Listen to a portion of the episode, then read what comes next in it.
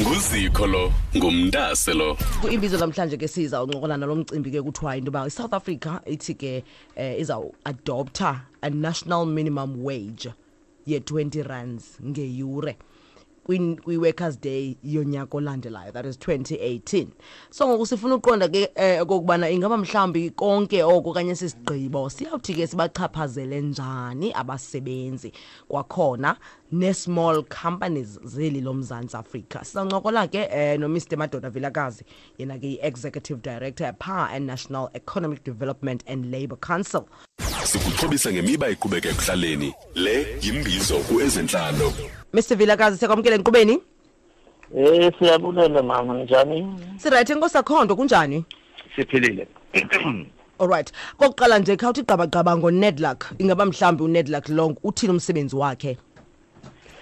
Well uNetwork eh, the institution ka government eya establishwa ngo1995 after eh uga- u- iparliament approve iNetwork Act ngo1994 Network Act eh, of uh, 35 of 1994 and i reason yoku exista ka Network eh ukuthi kube nama discussions kuzo zonke izinto ezidila ne-economy eh, and social matters as well as policy making on trade and industry policy kanjalo and- ne-labor policy. Okay. Alright so Yes. xa sithetha ke ngoku nge- nge-national minimum wage what exactly do we mean? I-national minimum wage sithi masithetha ne- national minimum wage siminisha i- isalary emele iholwe ngabasebenzi. Okuyiyona esingayithatha ngokuthi i-floor ngaphansi kwayo akekho umqashi ofanele aholele umsebenzi ngaphansi kwe-national minimum wage. Njengamanje i-national minimum wage okuvunyelwene ngayo u-20 rands per hour. So manga eh, wonke umuntu osebenzayo kumele at least mayeholelwa abhadalwe u20 rands per hour. Uyabona? Yes.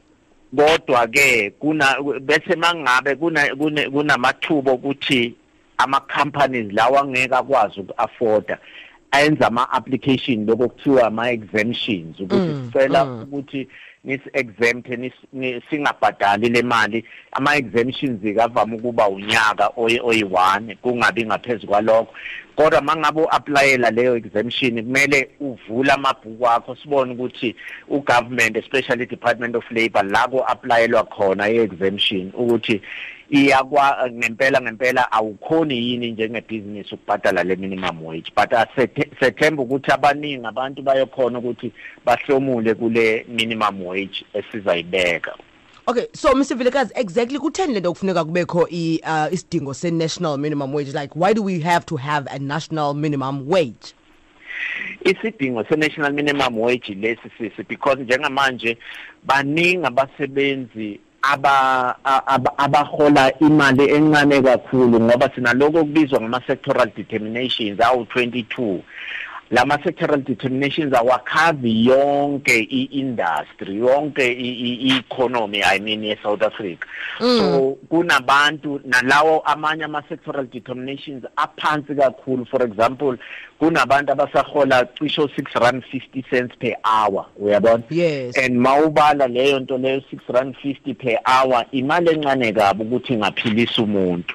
Now mangabe kungenziwa something abantu bazolokhu behleli ebu kwi-poverty for a very long time kanti i-intention yalo government ukuletha impilo engcono kubo bonke abantu. So yenye yama-interventions leni okungasho ukuthi kwenziwa i-living wage. Ama-unions asenethuba lokuthi mangabe sesiyenzile le floor ugovernment esiyenzile le floor ka-20 rand per hour bona ba- bakheke phezu kwaloko. Lokhu yi-foundation. Ukuthi sebengenza ngcono kukuya phambili. Ngoba mawucabanga nje ukuthi umuntu ohola u6 rand 50 per hour for Yeah, example yeah. mangabe izoya ku20 rand i-improvement enkulu yes le true true. ebingeke yenzeke. Mawucabanga for example abanye bahola 11 rand ama security per hour ama domestic workers manje ako 14 rand 39 Mm. but mangabe sikhuphuka siyalena wonke umuntu impilo yakhe iba ngcono. Okay. Alright so ingaba mhlawumbe izawuqalisa nini ke usebenza le national minimum wage? I-national minimum wage isuku seli okuvunyelwene ngalo ama-social partners lapha enetwork la approve now u-government.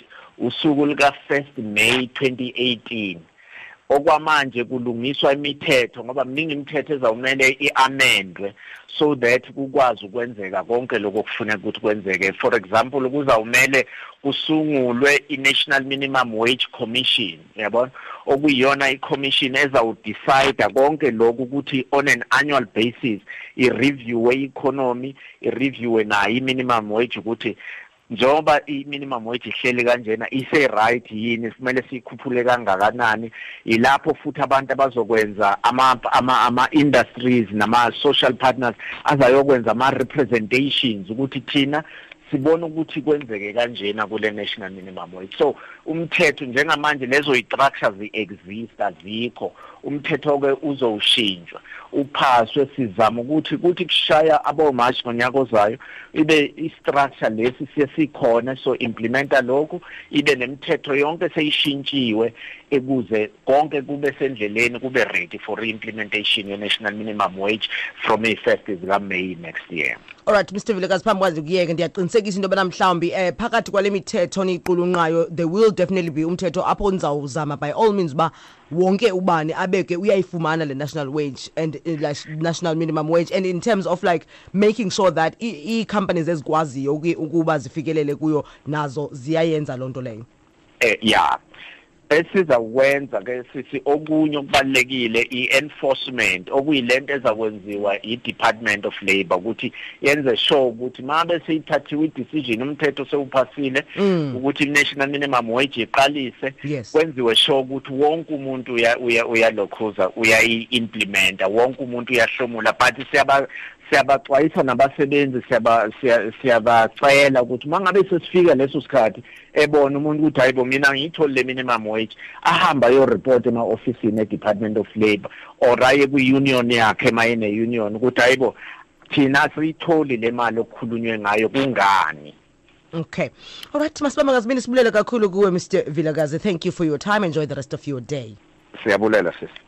Right, Mr. Madoda Vilakazi lona executive director uh, yapha Nedlac National Economic Development and Labour Council. Besincokola ke ngomcimbi uh, we uh, national minimum wage 20 rands athi ke izawusungulwa kulomnyaka uzayo kan 2018 ngemini eh, nge workers day.